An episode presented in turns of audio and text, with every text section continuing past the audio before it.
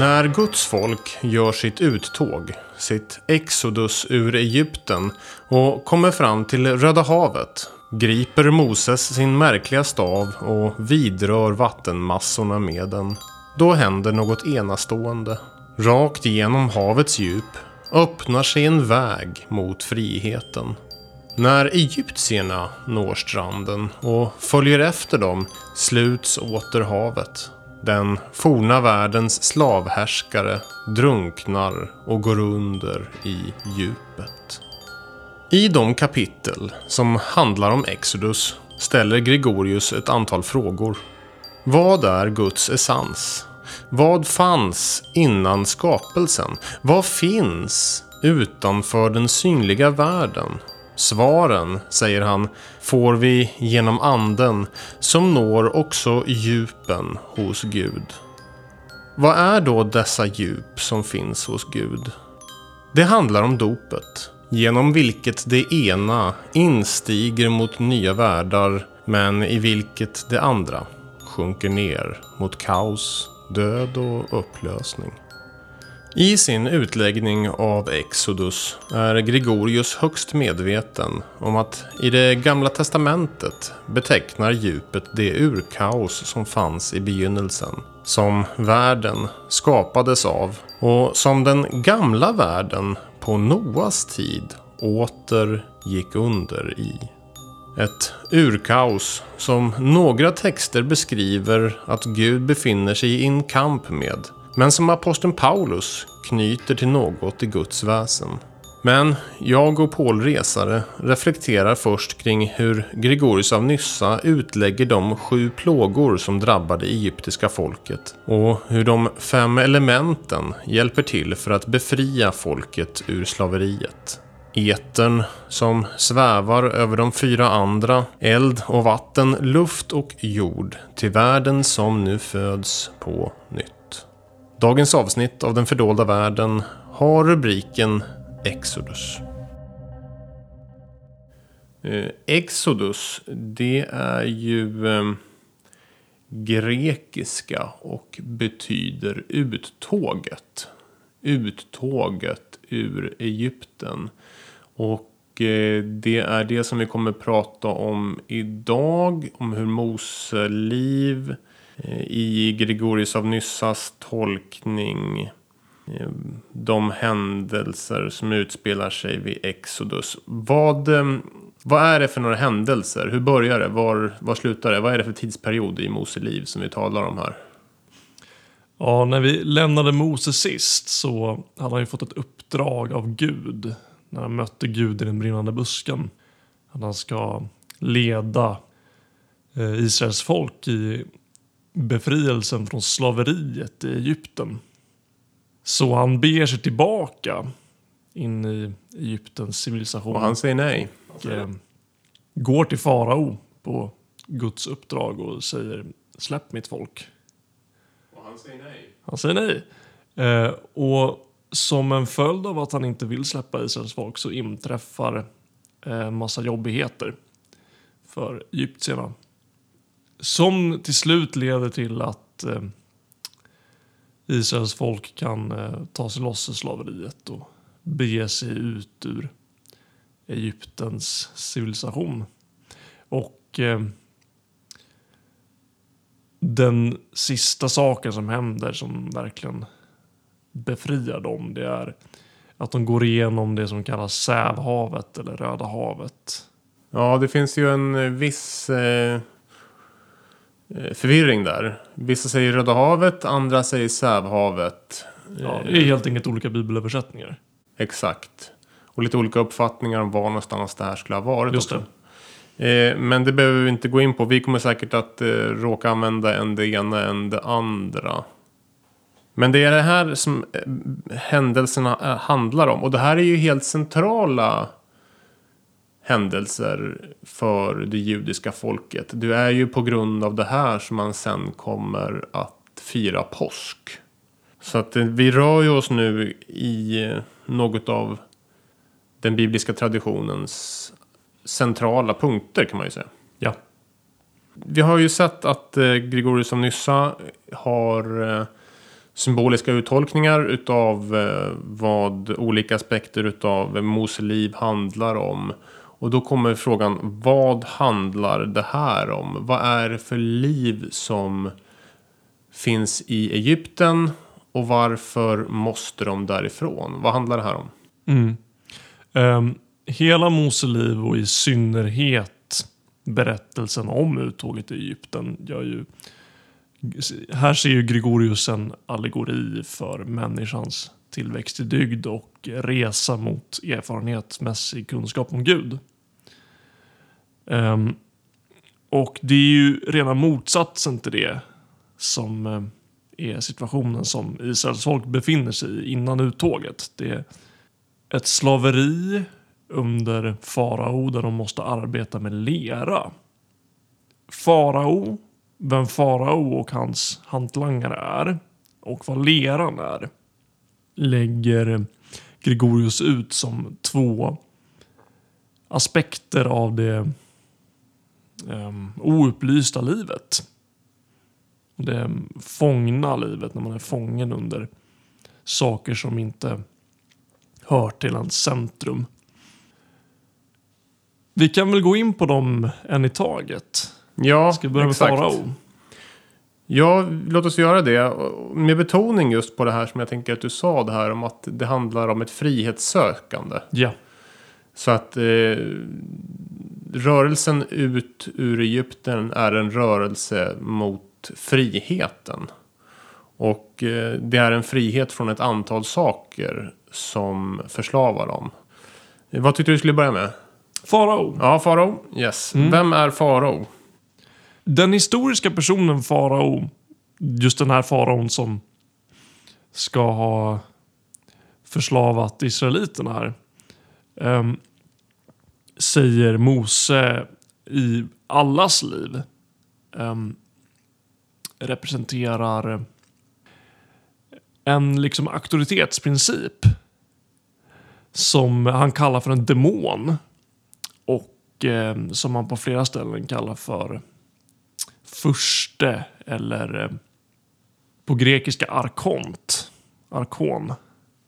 Och då kan man ju tänka så här, jaha, okej, vad har vi för politiska makter som hindrar oss från att växa i dygd idag? Ska man börja sortera? Är det, Precis, ska vi göra revolution? Är det det, som är poängen? Är det politiska partierna eller är det andra saker? Mm. Vad, vad säger Gregorius och Nyssa? Nej, det är varken någon ideologi eller någon person som är utanför oss utan det är någonting som finns i oss och som vill dra oss från att se upp mot himlen och längta efter Gud och vill att vi ska titta ner mot jorden eller det som vänder blicken från det gudomliga och eh, som eh, får oss att se mot lera. Och lera är en massa olika saker man kan sträva efter i det yttre som inte handlar om att längta efter ljud. Gregorius Nyssa tänker sig alltså att eh, det som Mose gör och den som farao är och processen att ta sig ut ur Egypten. Det är så att säga inre processer i varje kristen människas liv i den mån han eller hon vill Eh, arbeta utifrån premissen att man söker det han kallar dygd som inte kanske nödvändigtvis är bara det som vi normalt sett kallar för dygd. Men det här är alltså en inre resa. En resa från ett sorts slaveri eh, till en större frihet. Jag tänker tillbaka på det som jag och eh, Maja talade om i vårt samtal om eh, Hjalmar Ekström. Han säger ju att människan är bergtagen av egot. Alltså att eh, människan är liksom på något sätt ockuperad av en främmande makt. Det finns någon sorts ont väsen som har tvingat in människan i ett sorts begränsat liv. Här har ju eh, Gregorius av Nyssa eh, samma uppfattning. Det är en främmande makt. En egyptisk kung. En arkont. En demon. Demon, exakt. En härskare. Eh, som eh, låser fast oss vid en begränsad aspekt av tillvaron. Man kan också tänka på, vi pratade i förra avsnittet om eh, hur ljuset från den brinnande busken kontrasterar Gregorius mot stjärnornas ljus. Mot olika fjärran himlakroppar. Gud är inte de här fjärran himlakropparna utan Gud är ljuset som kommer från törnebusken. Just det. Och eh, det här begreppet arkon hos Paulus. I hans brev i Nya Ja, Testamentet. precis. Där eh, relaterar han det till eh, ondskans makter i himlarymderna. Någon sorts himlakroppar, någonting som är relaterat till det som är uppe i luften som styr oss i tillståndet när vi inte lever i Kristus. Exakt. Men genom, genom Kristus så friköps vi från inflytandet av de här kosmiska makterna. De Ni var slavar under kosmiska makter. Exakt. Ja. Eh, och det, tanken att eh, man kan vara förslavad under kosmiska makter är ju, finns ju överallt i den eh, antika hellenistiska kulturmiljön. Eh, och i kristendomen får det då den här extra twisten att man kan bli fri från det genom att gå in i Kristus. Och det, det får hela uttåget ur Egypten bli en bild för i Gregorius verk. Och det är inte heller så att eh, det är någonting som är så att säga givet att, eh, man, att alla kristna håller på med nödvändigtvis. Han pratar ju om att det finns gott om kristna som så att säga tar med sig egyptierna över havet till andra sidan. Eh, Han, människor som så att säga tyckte att det var ganska skönt i Egyptien i sitt vardagliga liv med eh, karriärer och allt det där som hörde till det lägre. Och som eh, så att säga eh, inte vill lämna det. Så att det, det här är ju verkligen en sorts, han, han tecknar ju verkligen en bild av så att säga någonting som är en, eh, en möjlighet eh, till eh, självinsikt, självkännedom, en rörelse till frihet och relation med Gud. Tyrannen alltså. Då har vi det. Det vill säga farao. Farao, precis. Vad är den här leran då? Leran ja. Vad ska vi säga om det? Han ringar ju verkligen in det här. Alltså att han, det som eh, det hebreiska folket gör hos eh, farao. Det är ju att eh, stapla lera. Alltså, han stannar upp vid just den här detaljen. Och gör ganska mycket av det. Eh, vad handlar det här med leran om? Vad är leran för någonting? Vad symboliserar den? Mm, han skriver ju att varje gång som de har... När de arbetar med lera så gör de någonting med leran och så blir de klara med det. Och så kommer faraos hantlangare och slänger på mer lera. Du måste göra ännu mer. Och så kommer det mer. Det, det tar aldrig slut. Han relaterar leran till de olika sakerna i världen som man kan längta efter och sträva efter som, som tar slut. Man eh, vill ha en ny bil och så köper man en ny bil och så är det kul ett tag. Men så kommer det en ny sak som man vill längta efter och som man strävar efter som eh, blir som en distraktion från att titta upp mot himlen. Man ser ner mot jorden, mot leran som man arbetar med med sina händer. man får inte egentligen betalt. Utan Nej. det... Man är slav. Man tror sig få betalt och har, sig, har, kanske till och med har det ganska bra där. Han gör ju en poäng av det. Alltså, vissa vill ju vara kvar i det här. Ja, en hel del av de som blir befriade som går genom Sävhavet, de säger så här, men varför kunde vi inte stanna där i Egypten? Hade vi ändå inte ganska bra under i slaveriet? Så leran alltså, det är någonting som har att göra med eh, det vardagliga, livets olika distraktioner. Eh, han gör en ganska intressant sak eh, också med leran. Han gör en, han gör en grej utav det till och det är någonting som har att göra med Gregorius av Nyssas elementlära. Man kanske bara ska först säga element. Det har inte att göra med uppvärmning utav eh, lägenheter eh, eller hus. Va? Ja, i allmänna tänkandet i Gregorius av Nyssas miljö och ännu längre tillbaka än så förstås, så tänker man sig att allting i den materiella tillvaron består av fyra element. Och det är vatten, jord, luft och eld. Och vatten och jord, vad blandar det tillsammans? Det blir lera. Och det är det som man är slav under. Det påpekar Gregorius att det är vatten och jord blir lera och det är lera man slavarbetar med. Och det är de lägsta elementen. Mm. Det är intressant, eh, det finns ju lite olika elementläror hur man tänker exakt kring det där. Det är faktiskt intressant att eh, bara nämna för den historiskt intresserade att han tänker sig faktiskt fem element. Han pratar, det gör ju inte alla men, eh, på den här tiden, men han gör det. Eh, han pratar om att ehm, man ska sträva efter att eh, nå etern som svävar som en örn, pratar han på ett ställe om. Så att han tänker sig fem element. Mm. Eh, men här har vi de, de två lägsta elementen och det är då vatten och lera. Vatten och jord och blandningen är lera. Vad, eh, vad kan, vi, kan vi säga någonting mer om det här med eh, leran? Ja, en intressant sak. Det är att eh, å ena sidan så ska Israels folk nu bort från den här leran från vatten och jord. Men Gregorius påpekar också att vatten och jord och luft och eld, alla de fyra elementen deltog i eh, att befria Israels folk från faraos inflytande. Det är som att vi känner igen det här temat om att man, ja. måste, man måste bort från någonting för att eh, kunna använda det på ett bra sätt. Man behöver bort från leran, man måste sträva bort från leran och om man gör det så kan elementen, alla elementen vara ens vänner och hjälp. Mm, ska jag läsa upp ett citat? Ja, gör det. Mm. När Moses såg att hela folket var samstämt med sin ledare i dennes ondska lät han en plåga komma över hela Egyptens folk och lät alla utan undantag erfara detta onda. I detta angrepp på egyptierna deltog som en lydig armé själva skapelsens element som är synliga i allt.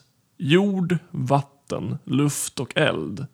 Och ändrade sina egenskaper efter människornas önskningar. Ty samma kraft som på samma tid och plats straffade de skyldiga lämnade de oskadda som var utan skuld. Ja, det, vi känner igen där temat som dyker upp överallt i Mose Bibel av Gregorius och Nyssa som vi kallar för askes och äktenskap. Precis. Att det, först är det någonting man ska fly ifrån och när man har gjort det då kan det här som man har flytt ifrån vara hjälpsamt på den fortsatta vägen. Ja, på förvånande sätt. Ja. Ja, de här ja. plågorna alltså. Eh, elementen har att göra med plågorna. Precis. Eh, vi känner igen flera av dem. Det är insekter och mörker och grodor eller paddor eller vad det är. Och, eh, Vatten som blir som blod. Precis, och till slut dödsängen då. Ja. Vi har ju sett redan att eh, Gregorius Nyssa, han är ingen påhejare av eh, eh, bibeltolkningar som ger en eh, knepig för honom gudsbild. Han vill inte riktigt veta av någon gud som skulle sända plågor över människor. Man kan sammanfatta det lite så här att Gregorius åminner sig att Paulus i början av Romarbrevet skriver så här att människor som inte vill veta av kunskap om Gud. De låter Gud få förhärdade hjärtan. Och det är precis det som händer med farao. Alltså är det för att farao inte vill ha kunskap om Gud som han får ett förhärdat hjärta. Och där, då händer alla de här plågorna. De lever i ett tillstånd som karaktäriseras av de här jobbiga inre tillstånden som de här plågorna symboliserar. Till exempel en sån plåga som grodorna lägger Gregorius nyss, Nyssa ut som att det är eh, att söka efter yttre njutningar. Och eh, en person som söker efter yttre njutningar och har det som sin primära grej i livet, de söker efter grodor och då blir deras liv fyllda med grodor. Och egyptierna, de eh, längtar efter grodor och det kom grodor. det är ett exempel på hur han lägger ut plågorna. Och det, det handlar inte, enligt Gregorius, om materiella katastrofer så mycket som eh, egyptiernas... ehm, Inre liv. ja, precis. Och egyptiernas inre liv, det är ju såklart då den egna personens inre liv. Alltså, vad är ditt inre liv fyllt av? Mörker, där du inte ser dig själv och tillvaron och allting är ganska oklart och du jagar efter dina egna drifter. Då kommer, och, du vill ha, och du vill ha det så, då kommer det vara så det är. Det här är vardagen. Vill, När- man, vill man ha vardag så kommer det vara vardag. När det var mörkt i tre dagar för egyptierna, då lyste solen lika mycket för egyptierna som för israeliterna. Men israeliterna såg solens ljus. Men det ville inte egyptierna göra, så då såg de bara mörker. Så frågan handlar helt enkelt om eh, vad man vill. Ja. Vad man strävar mot. Och det där kommer vi komma tillbaka till också i eh, ett senare samtal. Det här med viljan och dess eh, position i så att säga alltihop. Okej, då har vi lite grann andra saker. Vi har ju redan pratat om det här med eh, eh askes och äktenskap som ett bärande motiv. Vad, vad hittar vi mer av askes och äktenskap eh, när vi tänker på uttåget? Ja, alltså om man zoomar ut och kollar på hela, hela den processen så kan man ju se askes och äktenskap överallt. De lämnar ju en stad och en civilisation och ger sig ut i vildmarken, som vi nog redan har påpekat, för att ta sig till det förlovade landet, det utlovade landet som Gud har lovat att befria dem till. Där det kommer alltså vara en ny civilisation. Så Israeliterna lämnar sitt gamla centrum, ger sig ut i periferin för att hitta ett nytt centrum där. De lämnar staden eh, Kairo eller Festat som den hette på den tiden. De ger sig ut i vildmarken och de finner till slut Jerusalem. Så askes från Kairo, Festat och till slut ett äktenskap i form av Jerusalem. Från en väldigt ordnad tillvaro till kaos.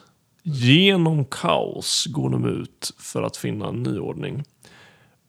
Det här är någonting som behöver utläggas i samband med en av de viktigaste sakerna när det kommer till uttåget ur Egypten och det är flykten genom Röda havet. Här gör ju eh, Gregorius av Nyssa ganska mycket. Berättelsen i korta drag.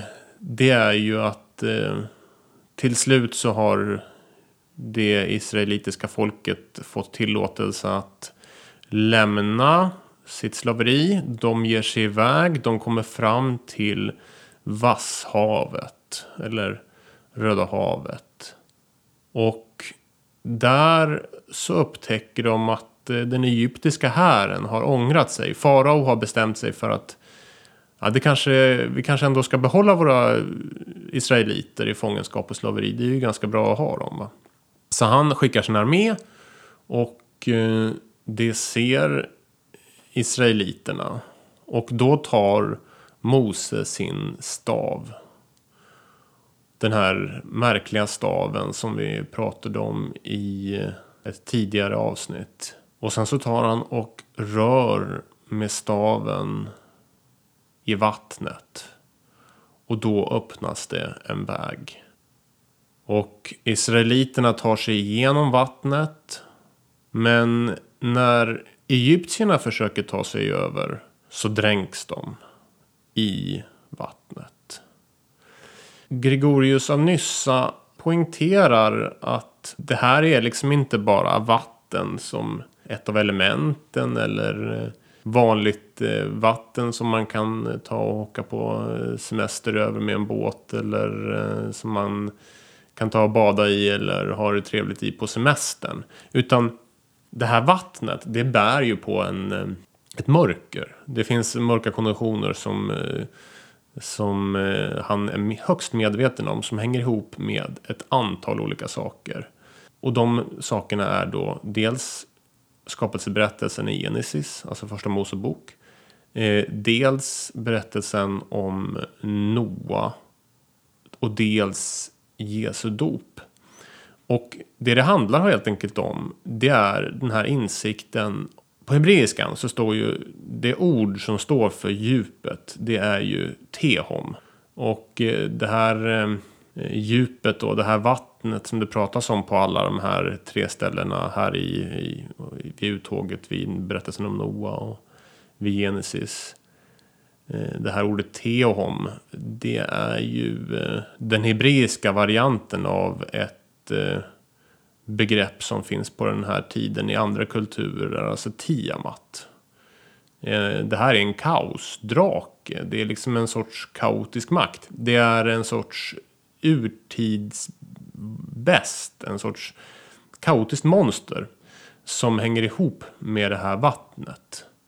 Och vi märker det där i eh, till exempel så finns det en, ett ställe senare i Bibeln där människans, eller snarare tillvarons skapelse beskrivs som att Gud så att säga dräper kaosdraken. Det är det som så att säga är, är själva skapelsen. Leviatan. Ja, och det här är ju då så att säga någonting som går igen i andra kulturer runt omkring. Det är ingenting okänt. Det här är någonting som den judiska kulturen delar med andra folk på den tiden. Alltså att man tänker sig att eh, det finns en sorts ursprunglig ordnande av kaos av en ljusgud. Så att en ljusgud dödar eller ordnar det kaos som från början finns.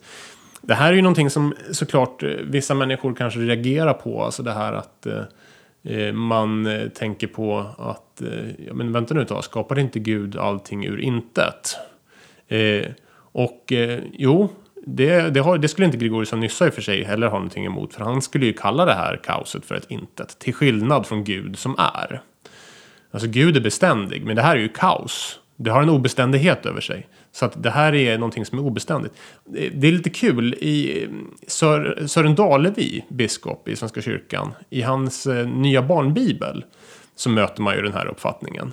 Eh, om man bläddrar till eh, sidan om skapelsen så ser man att eh, där så ordnar Gud kaos. Man, kan, man ser hur Gud så att säga, skapar världen och eh, då är det ganska kaotiskt där i början. Mm, det står allting var huller om buller. Och det, det, det ska tydligen vara samma ord som i Bibel 2000 översatt som jorden var öde och tom. Just det.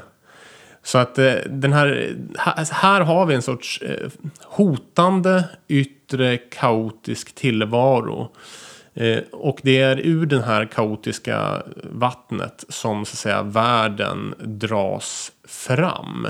På grekiska är begreppet bathos eller abyssos. Och det kommer vi se och sen, det har vi ju nämnt att Paulus, han ser ju positivt på det här begreppet. Han pratar om djupen hos Gud. Så att eh, det här är någonting som har en sorts eh, ambivalent eh, tolkning. Å, andra sidan, å ena sidan så pratar Paulus om djupen hos Gud och eh, det används på något väldigt positivt sätt här som någonting som världen skapas ur. Å andra sidan så är det någonting djupt farligt och kaotiskt och hotande. Och när, i, när Noa tar och eh, är med om att världen så att säga att det börjar regna och han eh, lever sitt liv i arken tillsammans med de här få människorna som är kvar. Då får man liksom tänka på det faktum att det, det, det är en berättelse som är ganska lik skapelseberättelsen. De här, den här tanken på de sju dagarna dyker upp igen.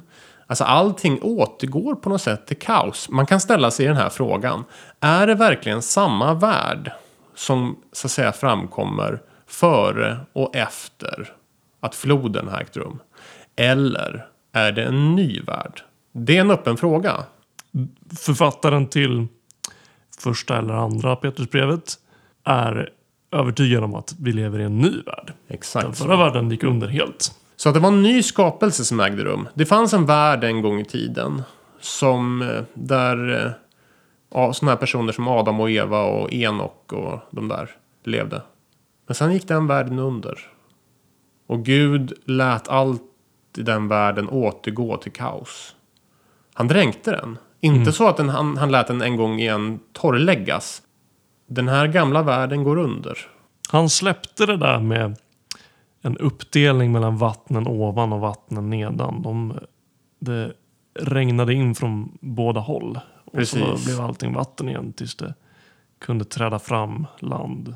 Ja, det, det, man får väl, alltså själva världsbilden som framkommer om man läser första Mosebok. Det, där tänker man ju sig alltså att eh, först är det kaos. Och eh, så skapar Gud så att säga en sorts hålrum i det här kaos. Och i det där hålrummet så finns människans värld. Och det som händer vid berättelsen om Noa det är att det börjar regna ovanifrån och det tränger upp vatten underifrån. Vattnet kommer från båda håll. Så att säga, det fäste som Gud har skapat för att skydda så att säga, världen från vattnet. Det, det omkringliggande kaoset. Det lät, låter Gud ta och upphöra existera. Och världen går under. Det är någonting av det som händer nu. Det finns för övrigt dopliturgier som benämner det här sambandet mellan vatten och kaos. Det finns ortodoxa dopliturgi där man säger att det finns drakar i vattnet. Och eh, i västkyrkan under delar av historien har man blåst på vattnet in, inför dopet och sagt att anden svävade över vattnen i, i början innan världen blev till. Så dopvattnet är kopplat till det här kaosvattnet. Och det är dopet som allting till slut blir en bild av.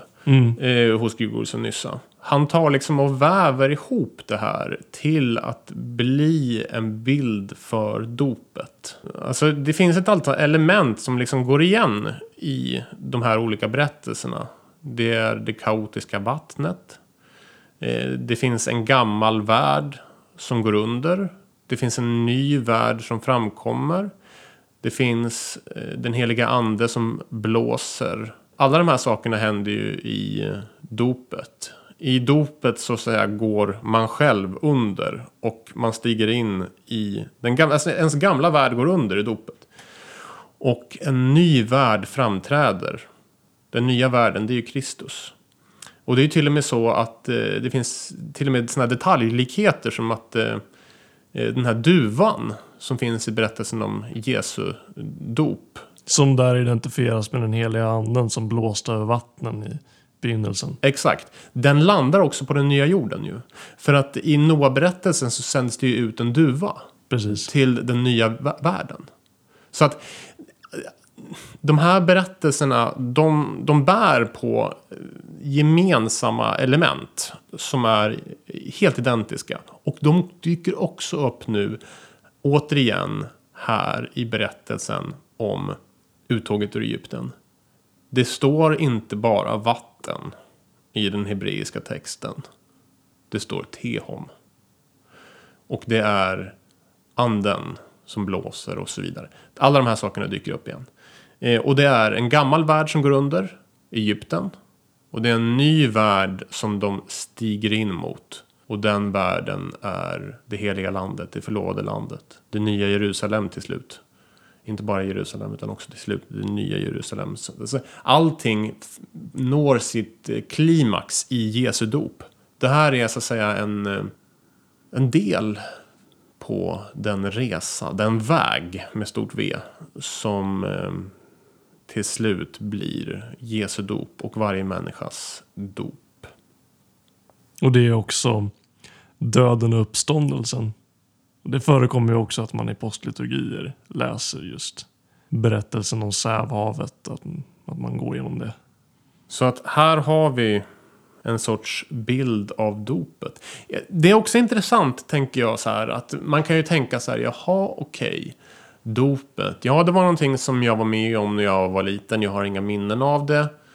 Eh, det var någonting som skedde där. Det kanske inte gör så mycket nytta för mig nu. Man kanske teologiskt, om man så att säga lever ett kristet liv så kanske man så att säga ibland pratar om att ja, man kanske ska leva i sitt dop och sådär. Eh, jag tror så här att i många kristnas liv så är dopet ganska frånvarande. Eh, man är mer van vid att resonera kring nattvarden.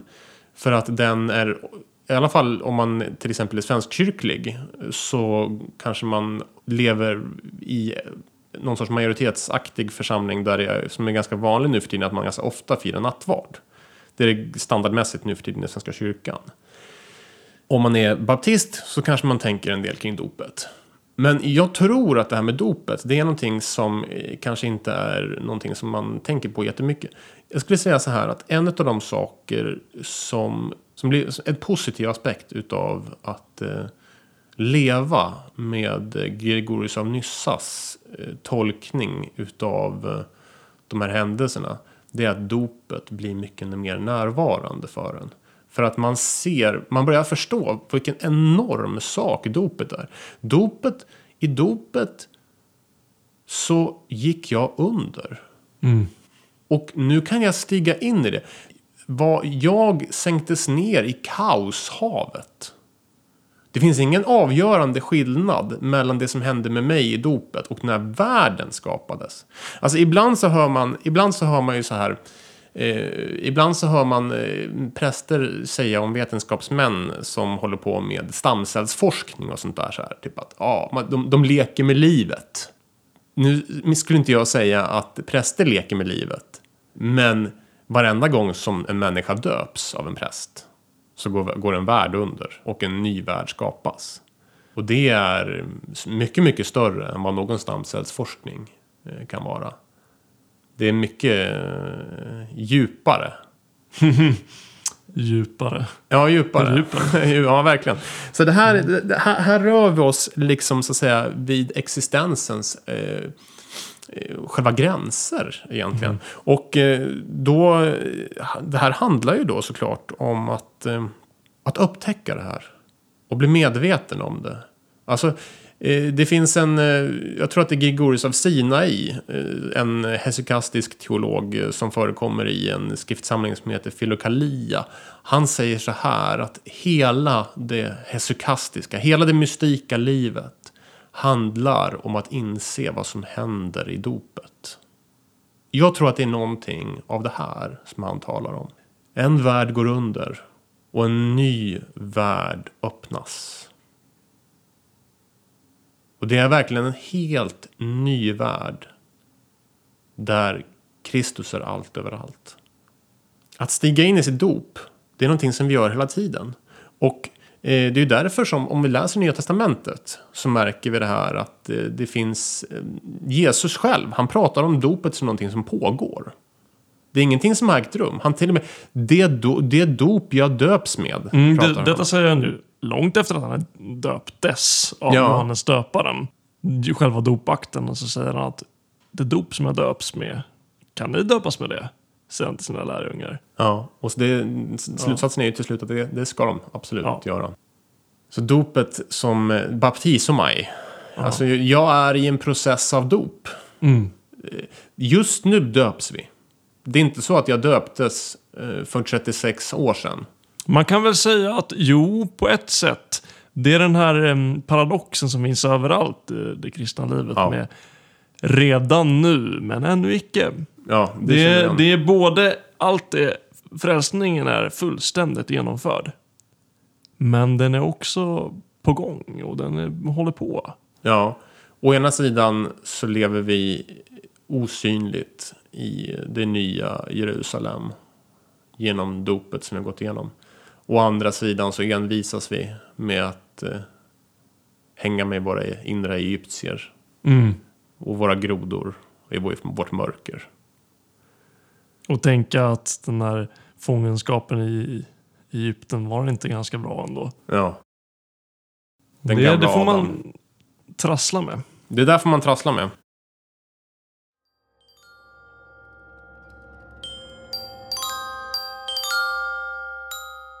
Det finns en grej som Gregorius gör en ganska stor sak av angående den egyptiska hären.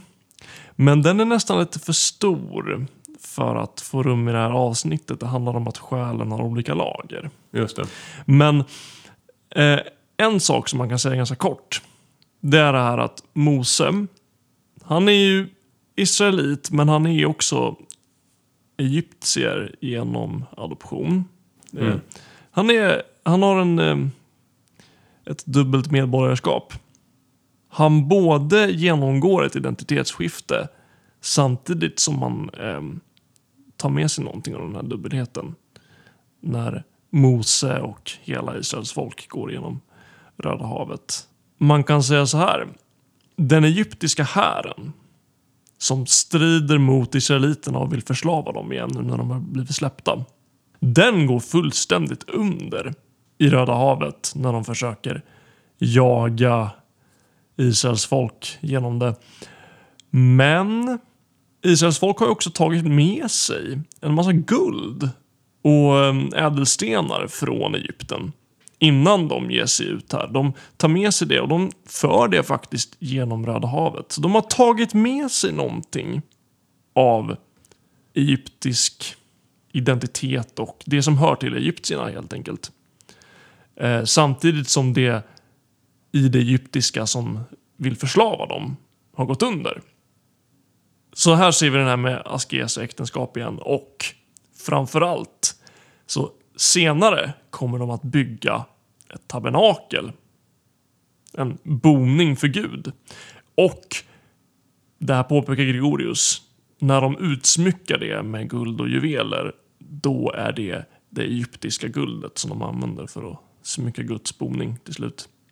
Så det, det finns både ett, eh, en, en befrielse från det egyptiska men det är också en, eh, en, en ny användning och ett, ett nytt syfte för eh, något av det egyptiska som träder fram efter att de går genom Röda havet.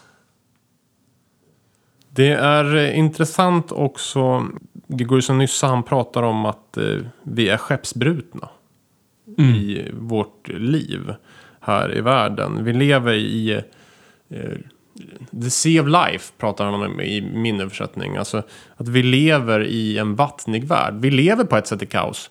Och, eh, men vi har ordnat det på ett sånt sätt så att vi lite grann är, har... Eh, vi har gjort en liten minibubbla för oss själva i det här kaoset.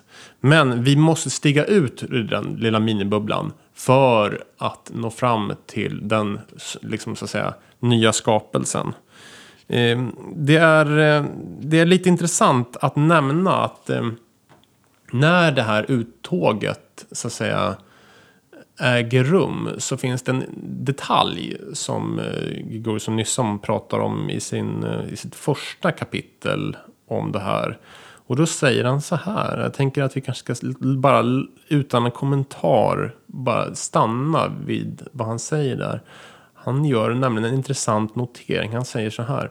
När den israeliska folket stiger igenom havet då skiner solen mm. i djupet.